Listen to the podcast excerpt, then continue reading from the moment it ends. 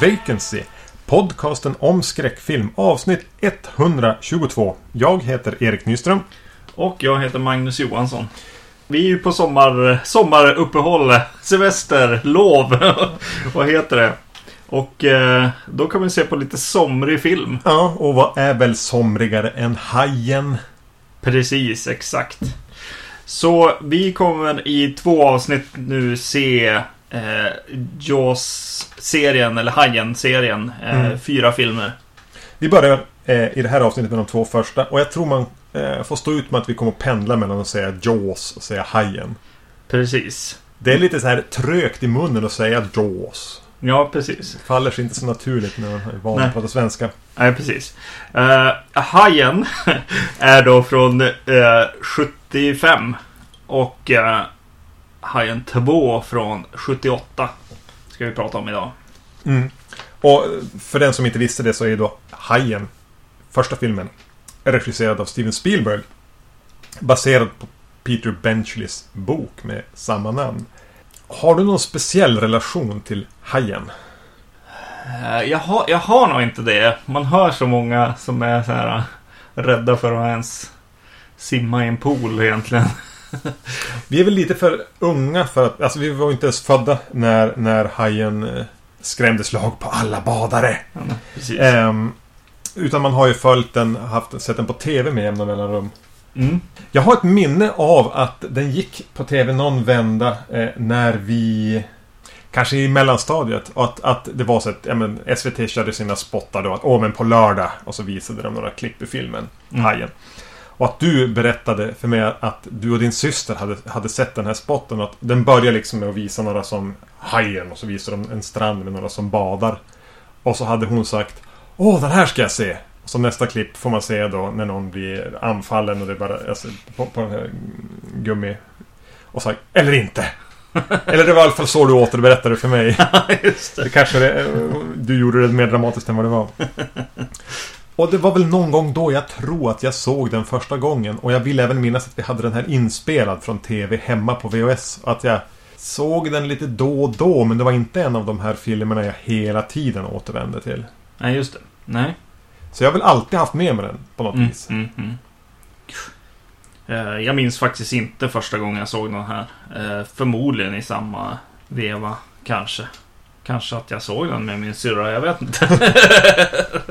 Men, eh, ja, nej, jag kom faktiskt inte ihåg. Och så har jag väl återkommit till den när den har kommit på olika format. Ja, den släpps ju var 50 år ungefär. Kommer den 45 eller 40 eller 35 eller jubileumsutgåva. Ja, Och jag vet att Hajen blev intressant för mig egentligen någon gång där i tidiga tonåren när man upptäckte att det fanns ju Hajen 2, Hajen 3 och kanske även en fjärde film. Eh, För då hade jag ju hunnit fastna i det här Fredag den 13 eller Mm. Elm Street-träsket. Jag gillade skräckfilmer med uppföljare. Och nu är väl kanske inte Hajen en renodlad eh, skräckfilm så, men just det faktum att den har fått tre uppföljare mm. gör ju att eh, det blir mer av en eh, skräckfilm än vad det skulle vara om det bara var första filmen. ja exakt. Jo, jo definitivt. Eh, Det är ju någonting man, man definitivt känner av. Särskilt när man börjar då se hela, hela serien här. Eh, Och egentligen tänker tillbaks till Hajen, tycker jag. Också att man, man får en mer... Alltså när jag såg Hajen igår och så såg vi Hajen, Hajen 2 här idag. Mm. eh, Så tänkte jag att ja men... Är det, blev det en skräckfilm i slutändan så här? Och så såg vi Hajen 2 och så tittar man tillbaks egentligen och så bara, jo, Mm. jo det är ju det. tycker jag nog ändå liksom. Hajen är väl även tillsammans med Exorcisten, de här lite, eller, åh vad heter den?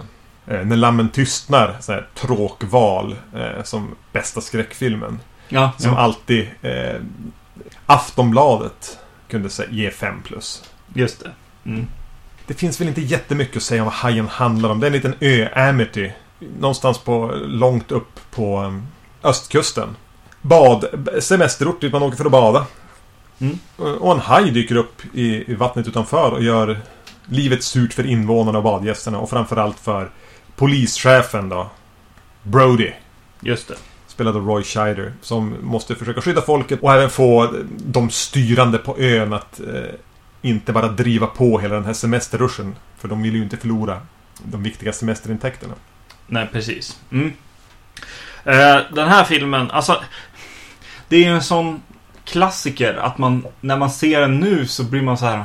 Så känner man att till exempel öppningen liksom med att, att öppna filmen med det här Hajen-temat. Mm. Och eh, med texter och sen, sen gå in i eh, in ner i vattnet och faktiskt visa vattnet från hajens synvinkel liksom Mm. lite grann.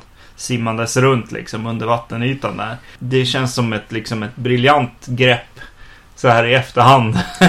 men, men det säger ju då också att, att det var det vid tiden förstås.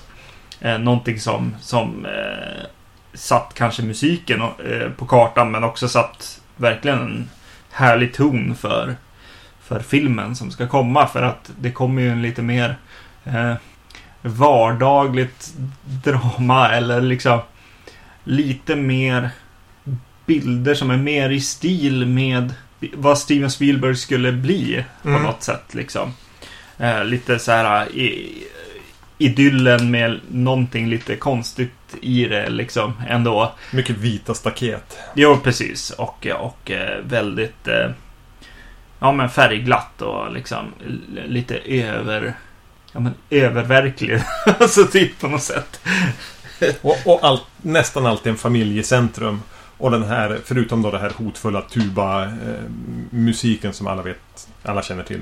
Mm. Så har vi det är John Williams som har gjort den musiken. Han har även gjort de här dansande John Williams-stråkarna som kan låta så fruktansvärt trevliga. Ja, När folk vandrar genom den här idylliska... Liksom, det, här, det här finns ju inte. Alla är så sjukt trevliga. mm, utan att, det blir, utan att det blir löjligt. Det blir ju inte parodiskt. Men ja, det, det har någon slags förhöjd familjär idyllkänsla. ja precis. Förhöjd, det är det jag försöker säga med, med öververklig. lite grann. Eh, och eh, jag gillar ju också hur den, hur den eh, går in och presenterar den här familjen som ganska snabbt behöver ha sin bakgrundshistoria egentligen.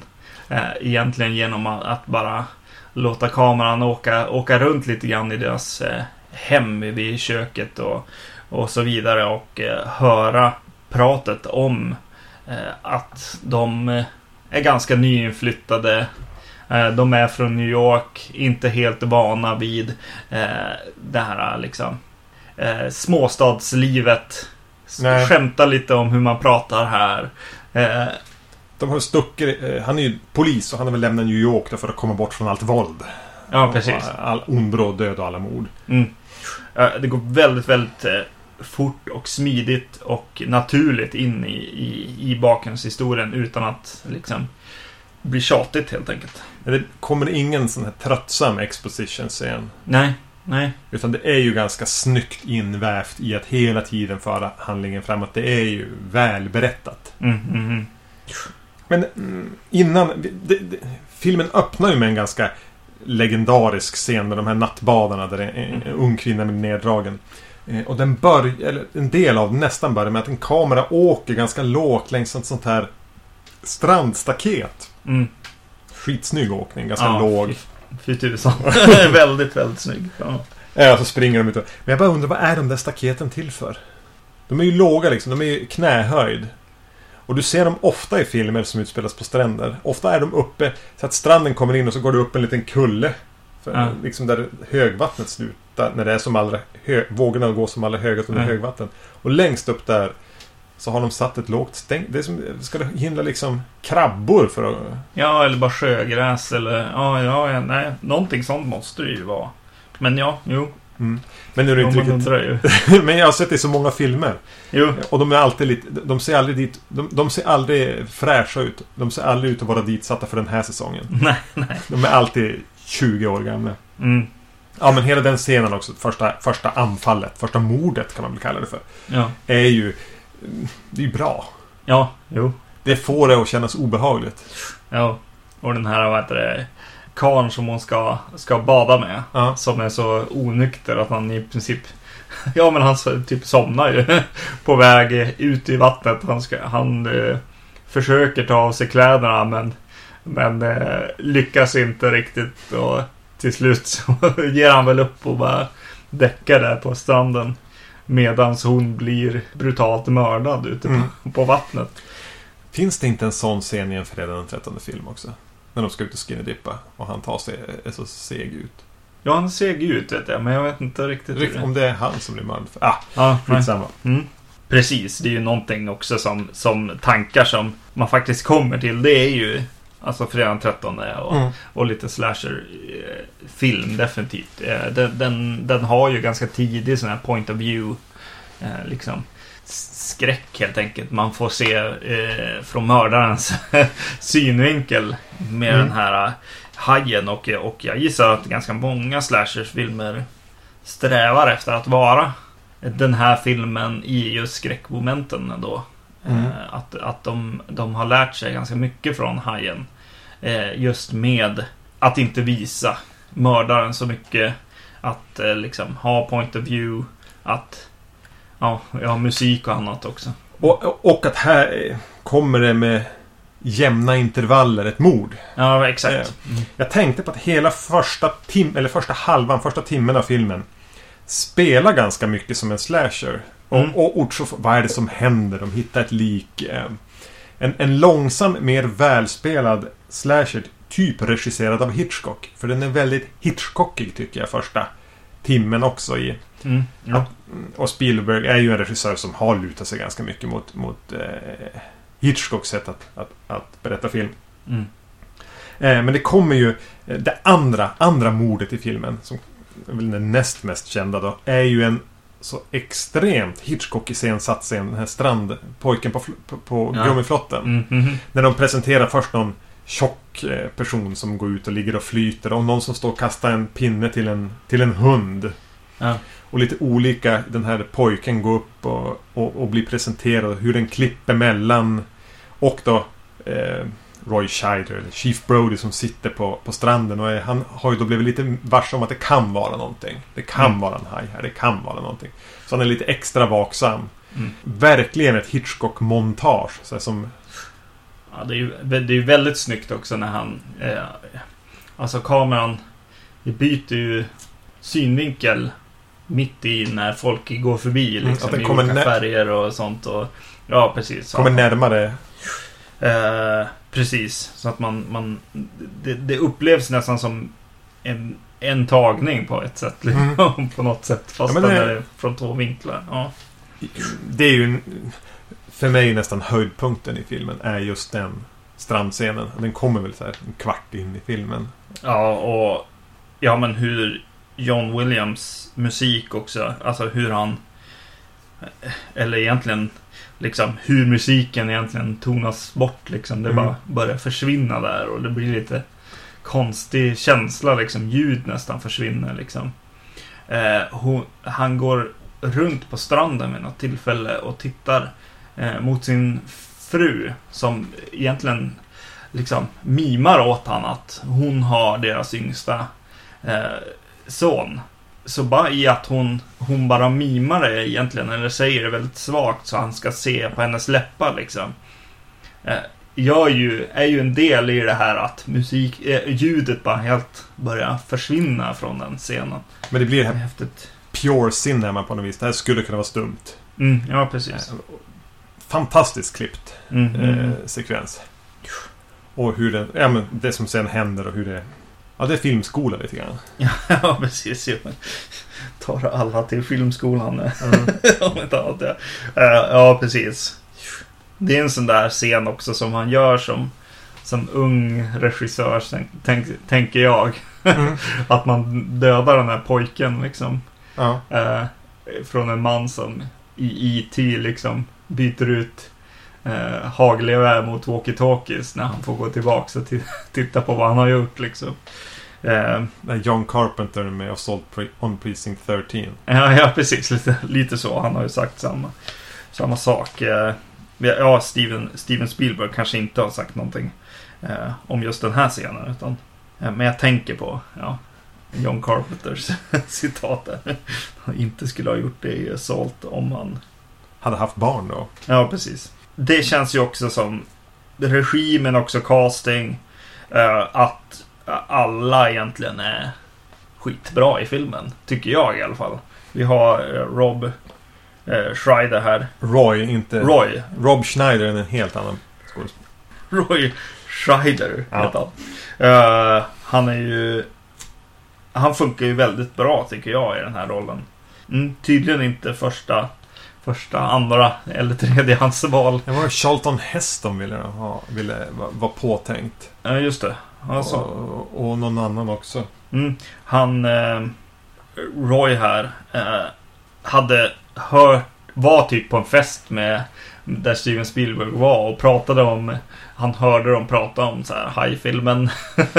och så du, det, pratade han lite mer om och så bara ja vi har lite svårt med huvudrollen. Och då hade han bara sagt så här, men jag då? Inte jag göra den? Och då hade Steven Spielberg typ i princip inte ens kunna eller tänka sig att, att han ens skulle vara, eh, vara möjlig att få. För han tyckte att han var så himla bra i, i saker som eh, French Connection. Han Ja. med i den, ja precis. Nämnde han bland annat. Men Sch- Scheider, jag har inte jättebra koll på han, men han känns som en skådespelare som är väldigt seriös. Ja, jo, Och eh, väldigt ovillig att göra väldigt mycket. ja, exakt. Jo. Är Jag tycker lite- jag läser mycket historier om filmer, och det kommer vi att komma till, där han har varit med. Han inte har velat göra det här. Och han har gnällt och han har bråkat och han har motvilligt gjort dem. Ja. Eh, Men eh, jag tror han tog ganska, död nu, men han tog ganska allvarligt på det här med skådespeleri. Mm. Det känns det ju lättare med, med Richard Dreyfuss som dyker upp som hajexperten. Den här unga. Ja. Eh, han känns mer glad att få vara där. ja, precis. Ja. Historien där är tydligen att han, han sa det och sen så hade han sett sig själv i någon film. Eh, liksom på någon premiär. Och, och sett att Åh herregud, jag kan ju ingenting. Jag är inte värd någonting. Gör Eh, den där jävla hajfilmen. och så hade han kommit typ krypande och sagt "Nej, men snälla jag gör den. Jag Får jag kommer inte få en film till i alla fall. Ja men exakt. Jag kommer inte få något mer jobb typ. Eh, han är ju jättehärlig och eh, tillsammans med Robert Shaw då, som, som dyker upp som Mm. den här... Salta gossen. ja, Hajjägaren. exakt. Hajjägaren där. Robert Shaw är ju... Men det... Sån här skådis som söp sönder hela sitt liv och sin karriär. mm. Ehm, jag har problem lite grann med hans karaktär. Att den är lite för... Han, är, han känns ju lite som sjökaptenen i Simpsons. Mm, mhm. Kanske lite för mycket. Jag, när de väl kommer ut i havs sen. ehm, så blir jag lite less på, på, på hans attityd. Ehm, och det är väl lite meningen att man ska bli det. Men jag stör mig inte på honom riktigt på ett bra sätt. Han blir lite för monoton i det. Däremot tycker jag att Robert Shaw gör det bra. Mm. Jo. Han var tydligen svårt alkoholiserad under inspelningarna här. Ja, Eh, som gjorde, var, jag tror det var han och Dreyfus som rök ihop ett par gånger. ja okej. Dreyfus kastade, kastade hans alkohol över bord och sånt där. Och han, det här, men, hans kanske mest kända sekvens när han sitter och berättar om det här när han var eh, ombord på det här fartyget som sjönk under andra världskriget. Ja. Eh, han hade tydligen skrev den monologen själv. Ja, precis. Och hade läst in, alltså filmade den en gång var han så full. Att Ja. den inte gick att använda. Ja, Och han var tvungen att komma krypande tillbaka. Alltså jag måste få göra om det där. Ja, Och satte den. Det är ju, det är ju en vass monolog. ja precis. Och även väldigt bra, alltså att han får spela den mot Dreyfus och, och Scheider på ett bra sätt. Ja, de hade tydligen många författare på den där monologen. Först, först eh, den som eh, var on-set och skrev. Han, han ville inte att... Han skulle, ville att det bara skulle nämnas liksom egentligen. Mm. Och, och skrev en väldigt kort eh, historia om det där. Och så sen, ja, och som i princip vägra skriva längre liksom. Som, som eh, eh, Steven Spielberg ville att det skulle bli längre liksom. Så där har han gått till, vad heter han? John Milius. Ja, han är en po polare vet jag att de är. Ja, fall. ja, precis. Så han gått till honom och frågat, kan du flasha ut det här lite? Och då hade John Milius skrivit eh, liksom sida efter sida efter sida. Och så till slut så hade han bara, äh men, ja. Ja men det är ju det här jag vill, men du kan ju inte prata så här länge. Gått till eh, Robert Shaw och så hade han eh, egentligen pickat mellan de två liksom versionerna som de hade och skrivit, skrivit ihop någonting. Som funkade. Han dog bara några år efter. Så ett par, tre år senare. Ja, Men han var ju Jag menar, så här, skitbra skådis som hade lite problem med sig själv, tror jag. Ja, precis. Ja. Som bra skådisar ska ha. Ska ha tydligen, ja. Men en som är eh, eh, nästan eh, min favorit i, i, i Hajen och även dyker upp i Hajen 2 är ju eh, Han är Murray Hamilton som spelar borgmästaren. Mm, just det. För han känns så här härligt tv-serie-onding. Han känns som Ja. någonting från A-Team eller MacGyver. Eh, som, som borgmästaren som, som vill tysta ner det här med hajattackerna. Vi måste ju tänka på, på turistsäsongen. Ja, precis. Och har lite olika fula kavajer på sig. Och eh, alla scener så går han som att prata med Roy Scheider och försöker säga Ja men det kan nog ha varit en båtolycka. Var det egentligen inte en båtolycka? Mm. Det är lite Hitchcock Ja. också. Ja, hans karaktär. Han, han har som ett uppbåd av gubbar också. Mm, Som är, mm. De är byäldste på något vis. Förmodligen så högt uppsatt. Men politikerna i byn då förmodligen. Typ senaten eller vad man ska kalla det för. Ja. Som är olika affärsmän på ön. ja. Som, som följer med han som ett, som ett, ja, men, ett entourage. Ja. Det känns, precis, det känns väldigt Hitchcockigt. Jag Ja, tycker han känns som en lite så här från en svunnen tid, en 50-talsskådis. Och den här har ju lite element av 40 och 50-tal i sig. Framförallt i, ja men det kanske främst är just gubbarna på Amity. ja, precis. Ja. Jag måste hela tiden bromsa mig själv och inte säga Amityville. Nej, exakt. det är svårt. Amity Island. Mm. Eh, ja, precis. Eh, och... eh, ja, precis. Och sen så... Så får de... Ja, precis. Hamnar de ju där på, på havet och... eh, Innan vi hamnar på havet. ja. En scen som jag gillar. ehm, och det här... Det är scenen när Hooper dyker upp hemma hos Brodys. Med liksom två flaskor vin för han visste Ja, inte vad de ja. åt. Eh, och Brody är redan så deppig och, och, och känner sig överkörd och, och för, förkrossad. Och, eh, så de dricker jättemycket vin och alla som är med på baren är där någonstans. Det är så här då belysning, de har ätit. Han häller upp ett jätteglas vin och frun häller upp lite vin. Och de Mm. och, och, och att den som får fortsätta vidare. Man tror nästan att, att den här scenen är slut innan Hooper har dykt upp. Ja, exakt. Sen kommer han in bara med vin. Ja, Och att de sitter där och... Ja, skitsnyggt iscensatt. Och sen får den fortsätta. Ja, men vi får väl obducera den där jävla hajen då. just det. Så då åker de och gör det. Och när de har gjort det så tänker... Och de har med sig fortfarande kvar vin då. Som man har med Mm. sig två flaskor. Tänker man att nu kommer vi till nästa dag. Nej, men då ska de ut på... På havet också. Mm. Ja, men vi får väl ut och leta då. Ja, precis. Och fortfarande liksom, det är som den här natten som aldrig tar slut. Nej, just det är det. alltid kvar lite vin också. Exakt. Älskar Ja. stämningen i det Mm, där. mm, mm. Och den får ju som sin punchline i en sån här klassisk, klassisk skräckfilms-scare. När de, han dyker där vid båten. Ja, precis. Noga tajmad, ja. Precis. Men jag så- När jag såg den nu skrämde den även livet ur min katt. Okej. Jag visste att den skulle komma. Han låg och sov på så divanen framför mig. Och så när den kommer med allting så helt plötsligt var han bara borta. Ett moln av katthår. Ja, precis. Jag satt och så här små... Små log lite för jag visste att min fru skulle nog hoppa till här alldeles strax. Och så hoppade jag själv till. Ja men det är en väldigt, väldigt fin timad scare. ja, precis. Ja, verkligen. Nåja, sen kommer de ut på havet. De, Quint och, och Hooper och Brody ska ju jaga rätt på den här jävla hajen. Det, det jag gillar med den... Ja, jag gillar ju den sekvensen väldigt mycket. Fint eh, foto. Roliga liksom, sekvenser som bara staplas på varann med, med ens liksom...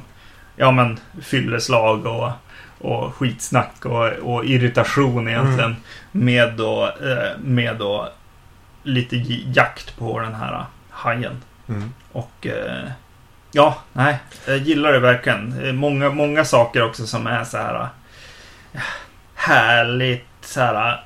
Man kan relatera till dem så här.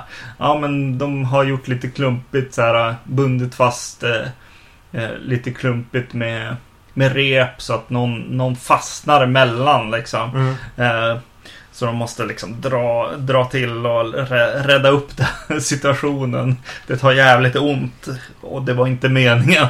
Och det är jobbigt. Och, och samma sak, är det någon som bränner sig på repen också som är väldigt så här. Ja men det finns någon jäkligt finger, ja, bra fingertoppskänsla liksom i vad som är så här vardagligt, lite så här, Ja, men relaterbart Ja. som du sa. exakt. Ja. Och ja, men även här har den ju en typisk Hitchcock-sekvens när man får se hur Quint upptäcker att det är någonting på gång. Han känner det. De har liksom ute något spö och så här för att där de slänger i, slänger i massa stora köttslamsor. Ehm, och hur han börjar så här, ta på sig några Ja. hakar så här, som, som, någon, som någon sele nästan och krokar fast grejer. Det är väldigt sakta och, så, och snyggt klippt och fotat. Liksom att, och man, man, man håller nästan andan. Man, nu händer det någonting. Mm. Jag har ganska tydliga minnen av när jag såg Jaws förra gången och det var eh, slutet av augusti 2012. Ja. eh, jag såg den extremt bakfull efter ett bröllop. Eh, och jag, för jag skulle recensera den Blu-ray-utgåva som ja, men jag såg den när jag lånade. Du, Ja, samma ja. som du såg. Eh, som var ganska ny då. Och då tyckte jag att den tappade när de kom ut i havet. Att den inte hade liksom den här Hitchcock-skärpan, det trevliga. Eh, men nu var jag med. Nu, Ja. nu var jag med även ut på havet. Kanske obehaglig med sjösjukskänslan och baksmällan, jag vet inte. Eh, för jag tycker den är jädrigt så här härligt spännande. Mm. Ja, men just det här med, med metspöt och när det är olika... De, de måste få iväg... De här bojarna ska iväg och... Ja. En, en, där är ju kanske den bästa så här, där man faktiskt hajar till och bara Shit vad bra musiken är just nu. Det är när de ska kroka fast liksom, försöka få, få den här tunnan eller boj, bojen eh, och knyta fast den vid någon eh, harpun där. Jävligt stressigt läge, hajen Mm. är på väg eh, och det är verkligen eh, pumpas upp liksom. Spänningen liksom, ska han hinna och, och vad ska hajen göra nu och, och så vidare. Och så sen att, att de, de skjuter fast den här tunnan i hajen och, och linan och, och tunnan åker iväg, bojen åker iväg. Eh, och musiken egentligen sväller upp i så här Mm. Yes! Nu äntligen! Nu har vi det här! Hajen liksom, triumf liksom. Och så vet du det, sjunker ju förstås eh, bojen. Och Mm. så musiken bara Oj shit, säger den. Vilken stark haj. ja, precis. Eh, otroligt snygg sekvens. Eh, mycket tack vare John Williams. Ja, men det, det är ju någonting med hur musik och klipp och skådespeleri och allting, hur det blir spännande. Hur jag, för de skickar ju ner då Hooper i en så här hajbur så småningom med, med, med, med, med, som en, ja, men en harpun som de ska försöka använda. Mm. Och hur jag sitter nu, vad kan jag säga, det här kanske Kanske inte tionde, men nära nog tionde gången jag ser filmen. Jag vet precis vad som ska hända hela tiden. Ja. När man tänker att om man lyckas sticka hajen i munnen med den där. Då har de den jäkeln. Ja, Och ja, men vi spoilar visst tydligen här. ja, ja tydligen. Jag vill. Mm. Eh, han tappar ju den där när hajen dunkar in i buren. Och jag bara NEJ! Kommer jag på mig själv att tänka. Men han kanske kan nå den. Ja, just För det. när man ser hur den landar på botten. Ja. Jag bara oj. Jag, ja, Ja, jag, ja, jag är med här. Mm. Eh, bursekvensen var faktiskt den som för mig blev så här. Ja. Eh, igen kanske att titta tillbaks egentligen. Att börja med den här musiken och det känns som att det, den, den är liksom. Har helt rätt. Och här känns det som att. Med hajburen känner, känner jag mig lite för liksom. Van vid kanske. Det känns som jag sett det förr liksom. Jag tycker att bursekvensen kommer för sent. I, i hela stegningen Mm, mot klimaxet. Den borde kanske. ha kommit en kvart tidigare. För det reagerar jag på. Ja, just det. Prova liksom science-spåret. Eller det nya först liksom. Ja, Och sen kör på, på den här sjö- sjömannens sätt att jaga Ja. haj på. Ja, jo, kanske, kanske något sånt. Eh, Ja, sen hade den ju skithäftiga undervattens eh, också med, med levande eh, hajar där. Eh, som de hade filmat. Ja. Som, är, som är härligt liksom när den får spatt där. Hajen egentligen. Eh, ja mm. de, de är ju nödvändiga också med tanke på den här sådär mekaniska hajen de använder. Ja. Som de ju ändå... Det är ju återigen klippningen. Det är fingertoppskänsla. Ja. Hade de visat den en sekund till så, så hade man ju sett vilken Ja. ploj-grej det är. Eh, precis, och... Eh, Och det syns. Ju fler gånger jag ser den här filmen desto mer medveten blir man om att det där ser inte jättebra ut. Men... eh, Det, de använder det så bra som det bara går. Det tycker jag också. Eh, alltså, alltså att de gör hela den här grejen med att så här, visa inte för mycket av monstret och så vidare liksom. Mm. I den här filmen är ju väldigt, ganska extremt lite som man ser monstret så att säga. Eh, och eh, mycket av det kom ju av att hajen aldrig riktigt funkade. Eh, eller såg bra ut. Eh, både och egentligen. Så till exempel de här fantastiska liksom, tunn, tunn, tunnorna eller bojarna eh, är ju som ett påhitt för att fortfarande kunna ha, ha hajen i närheten överhuvudtaget. Liksom. Och inte bara ha liksom ett, ett hav. Nej, exakt. Någonstans där är det kanske en haj. Eh, precis, och eh, funkar ju hur bra som helst och någonting man inte ser i, i, i varje film, liksom. I varje hajfilm. eh, så det är ju, ja, jäkligt tur egentligen på ett sätt. Och jag tycker att när den kommer, liksom, då har, vi, då har de ju förtjänat att jag ska se den, liksom. Ja, har ju- en liten stund, liksom. Eh, men, eh, ja, alltså det är ju svårt att säga någonting annat än att Jaws är en väldigt, väldigt bra film. Men det är ju det. Ja, det, det den är ju svår att angripa. Man blir lite tråkig här bara. Ja, men det, Ja. det är så här fyra av fem. Jo men exakt. Eh, Men jag har ju ingen... Den är ju inte personlig för mig. Det är inte så att jag blir helt så här... Jag blir engagerad i den och jag lever mig in i spänningen. Men jag får ju inte den här lite saliga upplevelsen av att jag upplever någonting större än, än livet självt på något vis. Som man kan få av viss film. Jag menar, säg. Halloween. Där jag verkligen blir, det här är ett mästerverk. Det här finns... Det här är... Det, det här är så förknippat med allt jag tycker är bra film som Halloween är. Mm. Så är ju... Det här är ju snäppet nedanför för mig. Jag har ingen personlig Nej. koppling till det. Jag tycker att det är en skitbra film. Men jag blir ju inte eld och lågor. Nej. Jag tycker på något vis att, att Hajen är lite av... Eh, vad Psycho. Alltså det finns... De är lite Jo. samma film. Ja. Alltså, Psycho var liksom Hitchcock som sa bara Ja, vad skulle hända om en, om en bra regissör gjorde den här typen av film? Mm. Och det här blir lite grann samma vibb. Jag tror inte Spielberg sa det. Han var typ 28 när han gjorde den. Ja. Eh, Men det blir lite det resultatet. Vad skulle hända om någon som faktiskt fattar det här med att göra film skulle göra en monsterfilm? Ja. Alltså filma den här ganska pulpiga boken. Precis. Det, det, det han säger i någon dokumentär som följer med. Eh, eller en making of. Eh, det är ju just att så här. Han bara Jaws. Ja, det är fyra bokstäver. Liksom. Och eh, Duel. som jag gjorde innan den här. Hade ju fyra bokstäver. Och var också liksom en stor liksom ostoppbar liksom. Bäst mot liksom människan. Den liksom. lilla mannen. Mm. Ja. Så han såg det ju som att han kunde göra liksom någon slags parallellfilm här. Tydligen har han till och med eh, mot slutet samma typer av ljudeffekter och sånt som, ja, som går hand i hand för att knyta de här filmerna ihop egentligen. Eh, ja, så det är lite svårt att veta egentligen. Det, det känns lite som att det är alla alla är så jävla bra helt enkelt på det de gör här. Så att det blir det blir riktigt, riktigt bra. Det går inte att se förbi, som du säger med, med Psycho. Mm. Psycho för mig är ju mycket liksom utförandet. Alltså varenda dialogsnutt liksom sitter där den ska och liksom, ja men allt sånt. Eh, den känns ju väldigt lik på det viset. Det gör den ju.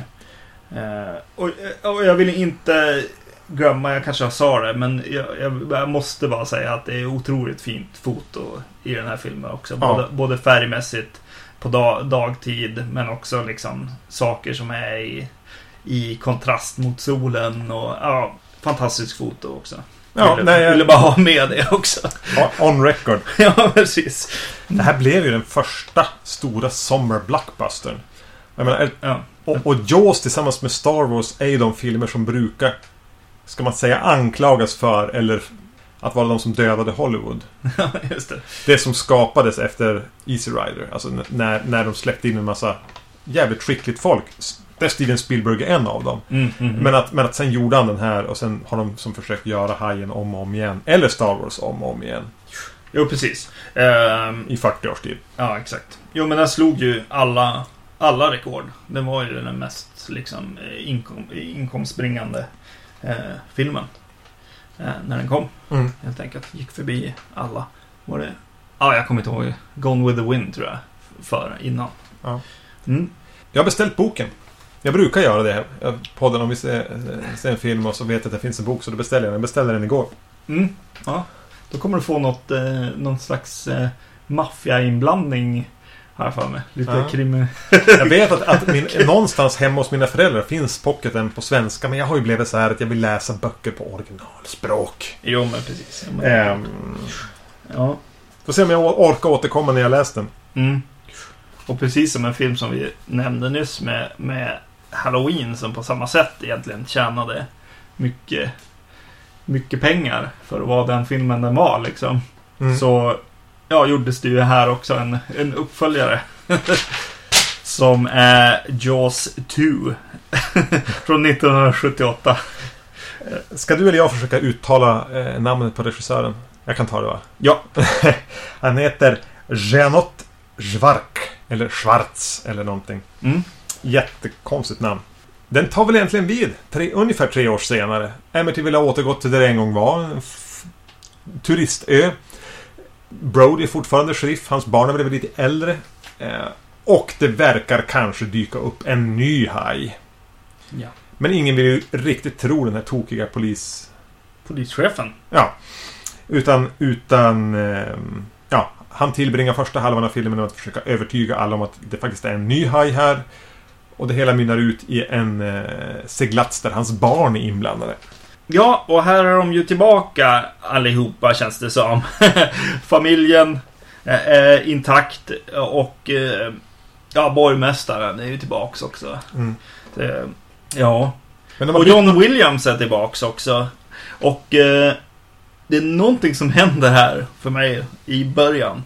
Eh, den börjar med undervattensfoto också jag för mig, med lite dykare som Ja. är ute och eh, hittar faktiskt den här eh, Orca-båten som de har i första filmen. Mm. Eh, och eh, Jag tyckte det var lite mysigt. Ja, jag, blev, jag, jag tyckte att så här, musiken var väldigt så här. Ja, men nu börjar vi så här. Ja, men nu är det Under the Sea liksom. Det är väldigt Ja. så här undervattens eh, harper eller vad de nu har så här. Jo, men om man säger Mm, undervattensharpa tror jag man förstår vad man menar där lite grann. Ja, Man vill nästan lite så här trumma på snäckskal. exakt. Ja. Och eh, Och när de hittar Orca, verkligen blommar den ut i någon så här E... Alltså John Williams lutar sig mot alltså, hur det lät i E.T. När E.T. säger I'll be right here eller någonting. ja, ja, precis. Jo, Det känns lite malplacerat, det håller jag med om. Men jag gillar att dykarna är vid Orca. Ja, precis. Och så dör de, eller dör, de blir anfallna i, och dör värsta slasher-döden. Eller fredag den 13 ett kanske, döden mycket. Det är kameran som är det farliga liksom. Och Som kommer emot det liksom. Och sen klipper, skrik och klipp liksom.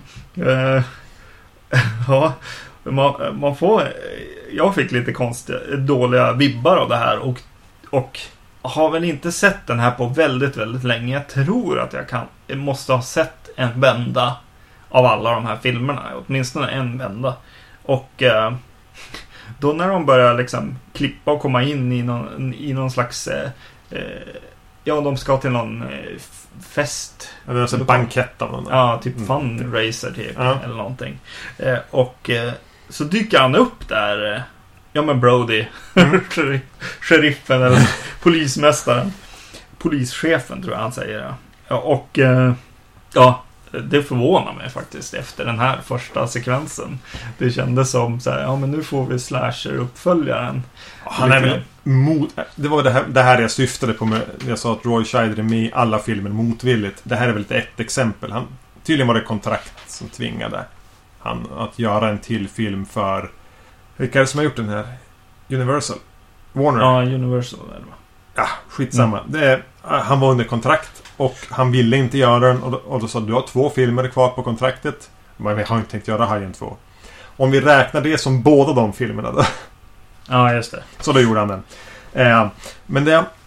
Eh, jag har ju sett Hajen 2 ett par gånger innan här och eh, för mig har det alltid varit den här Bättre än väntat-filmen. Mm. Som jag har nästan en liten guilty pleasure. Att jag har ändå gillat Hajen 2 lite grann. Och i, vissa stunder kunna säga att ja, men den är inte så mycket sämre än, än första filmen. Nej, just det. Mm. Det har varit min inställning till den. Eh, nu var det väldigt länge sedan jag såg den senast. Ja. Eh, Men vi får en bankett här som du säger och, och han dyker upp och vi presenteras och får, och får egentligen veta att titta så många... Eh, titta vilka karaktärer som återvänder. Ja, exakt. Eh, Lorraine Gary, alltså hans fru och Murray Hamilton, borgmästaren är tillbaka. Jag tror man bytt ut barnen. Eller i alla fall han som spelar äldre sonen. Jag tror att Jo, båda de är är nog utbytta. utbytta. Jo, det är de. Men de ser... Jag vet faktiskt. Alltså det skulle kunna vara lite samma. Det skulle kunna vara... Det spelar egentligen ingen större roll. Nej. De är lite äldre i alla fall.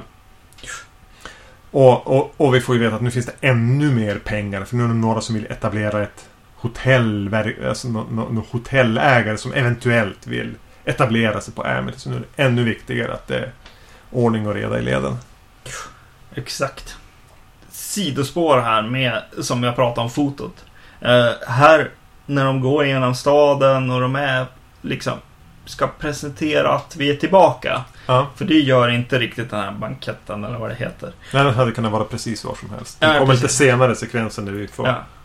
Går de runt lite i staden och då bara, men vart tog färgerna vägen? Känner jag. Känner jag då. Vart tog sommaren vägen? Allting är lite gråare och lite så här mer färgkoordinerat liksom bland. Liksom. Mm. Allt ska se lite mer likadant ut i färgtonerna liksom. Och, och ansiktsfärgerna är lite liksom gråare. Det kan väl kanske ha lite att göra med att du såg den förra på Blu-ray och den här på DVD. Jo, jo, jo, till Jo, viss men- del kanske. Eh, men, men, men än en gång så, så får jag det. Det, det, är här jag börjar så lukta så här. Ja, men let's do it again. Ja, Lite grann.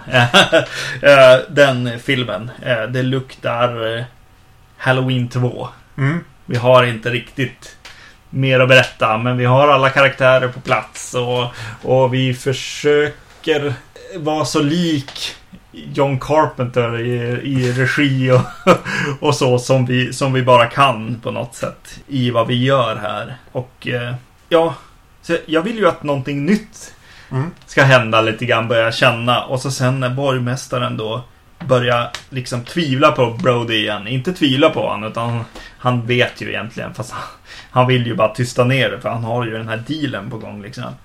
Uh, ja, Det är samma konflikt en gång till. exakt. Och varför just borgmästaren? Jag känner att så här, om det är någon som ska ha förändrats eh, på något sätt så kunde det väl ha varit han på ett sätt liksom. Ja, men, Han lärde sig någonting mot slutet av Jaws. men, och det, vi satt och tittade nu efter vi hade sett den så slog jag igång eh, deleted scenes. Och då får vi se en liten cut-out-scen när de... Det som händer i Jaws 2 är att, att, att Brody, ingen tror på honom. Han, han, han, han gör bort sig Mm. vid ett tillfälle. Och får sparken. Ja. Och då får man... Eh, men en bortklippt scen är när man får se omröstningen som det här typ... Det äldstes råd har. Ja. Eh, om, ska, vi, ska, ska han få sparken eller inte? Och då är borgmästaren den enda som motsätter sig det. Ja, precis. Ja. Och det är väl det lilla som de ändå har bevarat från att... Ja, men han kanske ändå vet att Brody gjorde det bra sist. Han, ja, Precis. Fast det klippte de bort. det klipper de bort. Nåja. Eh, precis. Eh, Men det var ju en, en problemfylld produktion det här. Det var första filmen också. Den tog oändligt lång tid att spela. Man ska tydligen inte spela in på vatten. Nej. Jobbigt. Eh, Men här så hade de ju en regissör som fotade typ en, nästan en månad som fick kicken. Och sen kommer den här Janot Schwartz in. Eh, idén från början var helt annorlunda. Att Amity skulle vara en, nästan en spökstad. Att ingen ville komma och bada där efter det som hände i första filmen. Mm. Eh, massa igenspikade butiker och hus och alla, alla näringsidkare hade ja, men, packat ihop och dragit ifrån för ingen ville bada på Amity längre. Eh, Det som gjorde att de inte valde den vägen var att där de spelade in så Martha's Vineyard Mm, just det. de butiksägarna sa men ni får inte spika igen våra fönster. Jag har aldrig att ni får se på min butik och se så här igenbommad ut. Nej. Okej. Mm. Ja, men då väljer vi en annan väg. Vilket gör att det blir ännu mer liksom samma sak en gång till. Ja. Jo, de hade tydligen sådär på, på första filmen också att så här, Ja, de hade eh, satt upp en eh, Amity Island-skylt bland annat som, som figurerar i första filmen. Ja. Och den var så här va. Sätt upp den, filma din scen, ta ner den. Det ska, Mm. inte liksom, det ska inte se annorlunda ut här. Eh, överhuvudtaget. De, de var inte så pigga på, på det här eh, nu, Hollywood-invasionen liksom. Direkt eh, där. Nej men det är väl det värsta eh, överklassstället. eh, Mm, mm. Extremt konservativt Ja. idyll. Jag går som vidare. Det, det blir ju liksom en, en historia där liksom man försöker få Brody att se lite paranoid ut. I, i både i, i bybornas eh, ögon, i de här som ska skapa hotell, slotthotell eller vad det nu är. Eh, och i våra ögon lite Mm. grann. Att så här, oj, han håller, håller på att tappa greppet lite. Men vi, och problemet blir ju då att vi vet ju att det är ju en haj där. Precis. Så jag blir så här. Jag ställer mig frågan. Vad skulle hända om det inte var en haj där? Ja, det var den uppföljaren du hade velat se då. Ja, vi, nej, det vet jag inte. Men, men just vid den här punkten av historien. Särskilt när jag blev så. Ja, men så här. Jag blev inte sur på borgmästaren. För att han inte hade lärt sig något. Utan jag blev sur på att de hade skrivit han så. Eller att han är med. Eller alltså. Det kändes så väldigt konstigt att det bara var samma sak. Alltså Mm. allting bara var struket ur hans minne i alla fall. Jo men en film, som första filmen som ändå är ganska karaktärsdriven. Mm. Så slutar det vara. Här har de alla bara blivit i ett konstant tillstånd.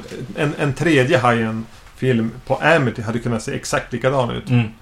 Och det är lite tråkigt. Ja. Och jag tycker det blir ett problem som du säger att, att, att eh, Brody här ska framstå som paranoid. Och att Scheider vill ju inte vara här. Nej, nej, Eh, för det blir...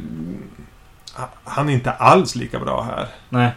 Eh, Jag tycker det är uppenbart. Och sen när man läser lite om den så han var ju i princip i slagsmål med, med regissören också. Mhm.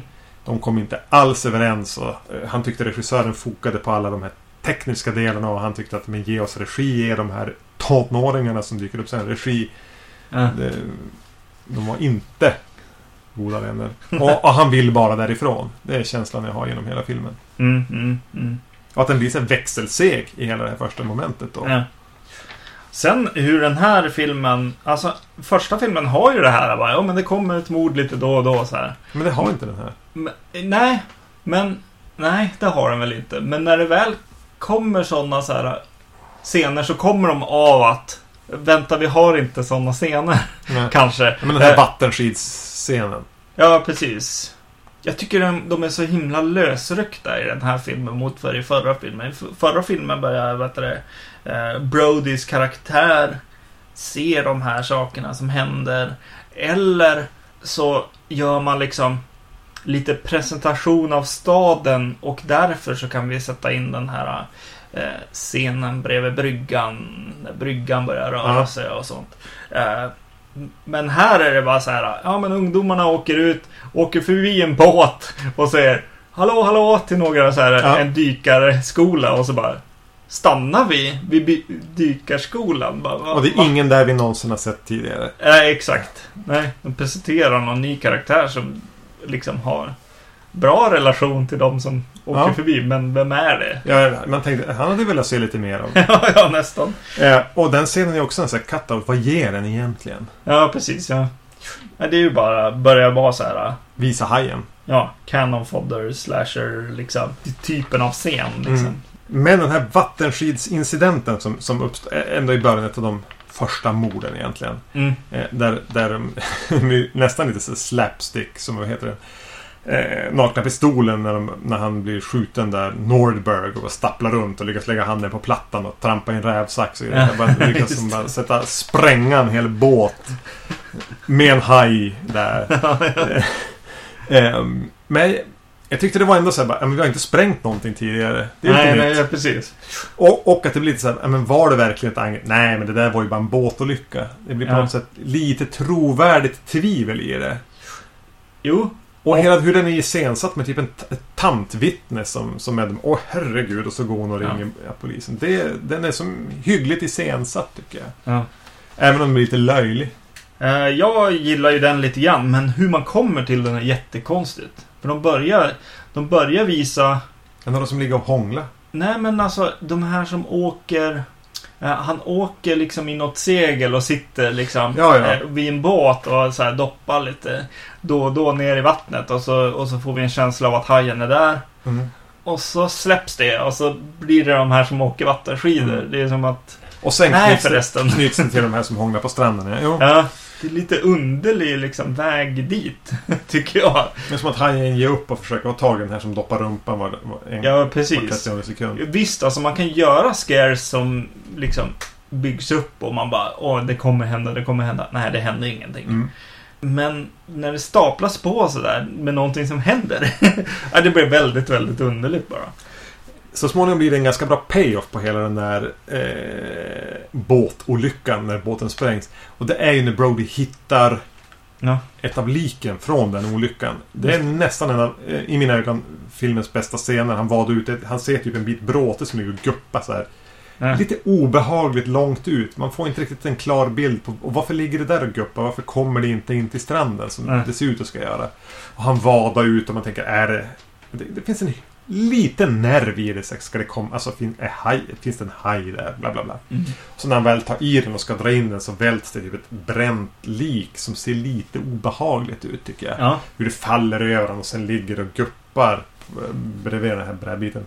Det tycker jag är genuint otäckt. Det här är ju en av de här tillfällena där eh, i första filmen så är just det här temat, musik, hajens tema, det är väldigt, väldigt konsekvent. Mm. Det är när hajen är där så får du hajen-temat. Mm. Och aldrig annars. det finns inga så här... Cheap scares. Eller? Nej men Fake. precis, Fake. fake-outs liksom. Men den här filmen är full av dem. Det är nästan bara när hajen inte är där som kör hajen-musiken-temat. Det är lite underligt liksom. Och särskilt från en person som, som liksom hyllas av, av Steven Spielberg för att exakt veta när man har musik, när man inte har det, när det är ljudeffekter som får äga, liksom, när tystnad är det bästa musiken och så vidare som John Williams eh, tydligt är bra på. Jag får, jag får en liten känsla av att han inte har eh, li, han har inte lika, ja vad säger man, fria händer eller, eller regissören eller vem det nu är som, som styr honom inte riktigt har liksom samma känsla eller för hur man använder honom. Ja, det är ju inte säkert att det är regissören som har klippt och musiksatt det här. Det känns att det är förmodligen hög ovanför hans huvud. Ja, och säkert ovanför John Williams också, tänker Ja. jag. Att han inte riktigt har, får säga, ja men jag vill att det ska kännas som man är i yttre rymden. Nej, du ska vara i, nere på havets botten. Med she- seashells och, och sånt liksom. Det, eh, mm, Tydligen så hade den här Schwarz en, en tanke med den och den kan jag sympatisera med. Han sa att vi vet hur hajen ser ut. Jag ska inte försöka få den här filmen att vara krypande. Det är ingen, alla som ser Hajen 2 har sett Hajen 1 och, och jag ska inte hålla på att dölja monstret. nej. Utan jag går pang bom. Jag visar det. Jag, Mm. jag försöker skrämmas på andra sätt.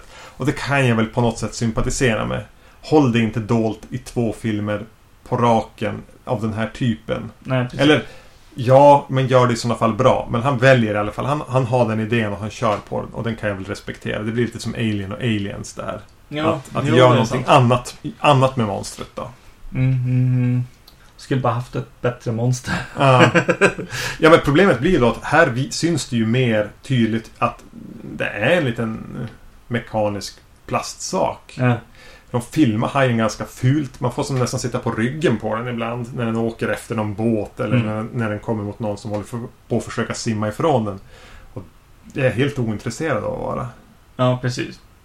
I första filmen också så känns det som att den rör sig, alltså bara rörelserna är mycket mer naturtrogna som man tror i alla fall. Mm.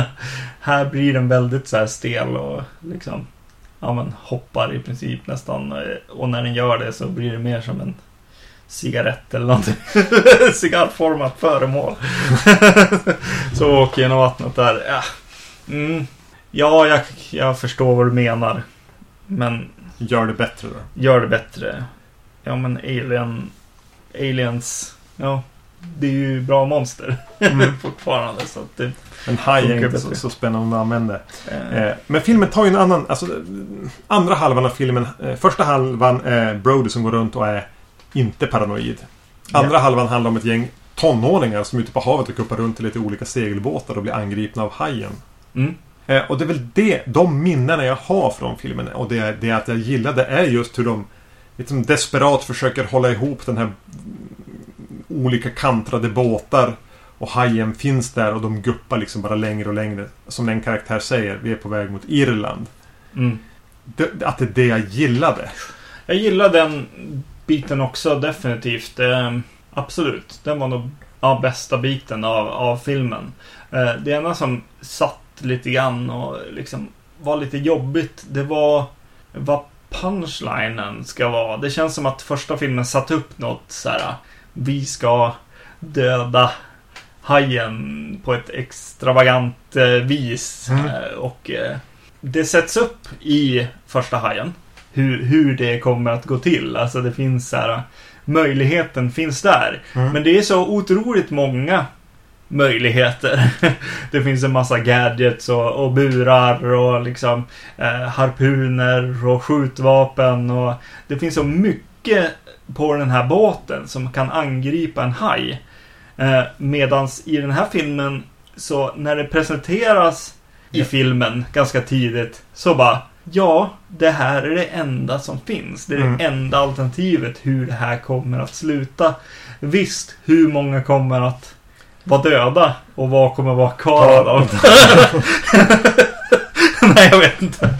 Kommer vara döda. ja, det är bra. Men eh, det är det enda som är kvar, eh, kvar lite grann i, i spänningsmomentet. Men jag, jag gillar också, också det partiet. Det gör jag ju. För det är här jag känner det finns outnyttjad potential. I Mm. att göra det till, ja men gör det till mer en tonårsfilm då. Mm. Använd det här, lägg mer fokus på de här, den här seglatsen. Mm. Bort med Brody, om man ens ska vara med överhuvudtaget. Men Mm. även om det blir lite, det blir liten dynamik i att hans söner befinner sig där ute. Visst, man, men, men kanske inte nödvändigt. För jag tycker de presenterar några karaktärer som man... De presenterar dem ganska tidigt, några av dem. Alltså rent under den här banketten i början. Någon är ju son till, till borgmästaren och så finns Brodys barn och så är det någon här nördduon som man direkt bara... Fan vad klockrena de är. Ja. Verkligen så här Napoleon Dynamite-nördarna. Som sen visar sig vara lite coolare än vad man först tror att de är. De är verkligen distinkta. Mm. Och någon som ser ut som hämtad ur en Fredag den 13. Han har lite krulligt blont hår. ja, just det. Ehm, Och så är han från eh, Christine, han som blev regissör sen, eh, är med som en av eh, en snubbe där som jag bara Oj vad sympatisk liksom, eh, person och så bara ja men det är ju för att han Jag har sett han förr. Ja. Liksom, han blir direkt så Ja han gillar jag. Mm. Så de har ett bra gäng där som Ja. de låter ligga i träda i 40 minuter av filmen. Och sen börjar använda igen och då har jag tillbringat för lite tid med dem för att riktigt bry mig. Men även det här hur de bara Ja vi måste Den båten är upp och ner och nu faller det i någon där och ja. Det tycker jag är rätt bra. Men Mm. ni gör för lite mer. Och det var ju det här jag minns av filmen. Det är därför jag i mitt huvud är den bättre än vad den blir nu när jag ser den. Ja För precis. nu blir den ganska tråkig. Det blir väldigt mycket. Ja, ja men jag tycker den har my- mycket gemensamt med Halloween 2. Det känns som att, nej men just det, vi berättade allting. Vi gör det igen. Samma skådisar, allt, allt det där. Ja, och som du säger då, att ja men den får ju ändå lite fart med de här ungdomarna kanske Mm. då. Eh, Det som inte hör till, till den filmen. Typ, ja, den biten av den som är mer som Halloween 3. Nej, jag vet inte vad jag ska se det som. Jag tror vi ska sluta försöka dra de här Ja, parallellerna, det gick inte så bra. Men, men, men även hade de lagt det, för det, Tyvärr är ju flera av de här unga skådisarna helt övergivna. Så de är ganska kassa Mm. i vissa sekvenser. Och det, antingen är det bara dåliga skådisar eller så har de jättedålig regi. För Mm. att han var mer intresserad av att få liksom, käftarna på hajen och röra sig snyggt eller någonting. Ja. Vilket tydligen var, ja men som jag sa, en av anledningarna till att Scheider inte tyckte om honom. Nej, precis. Just det. Mm. Mm. Ja, coolt. Det var de två filmerna. Ja, Mm. inte mycket mer än så att säga annat än att vi återvänder med Hajen 3 och 4. De har några undertitlar också, men det tar vi då. Yes, det gör vi. Mm. Tills dess eh, vet ni var man kan hitta oss eh, på eh, podcast.vacancy.se. Kan man mejla oss och skicka ett mejl. Vi finns på vacancy.se, på Facebook, på iTunes och på filmfenix.se. Yes. Mm. Ha det bra. Eh, Okej, hej! Hej.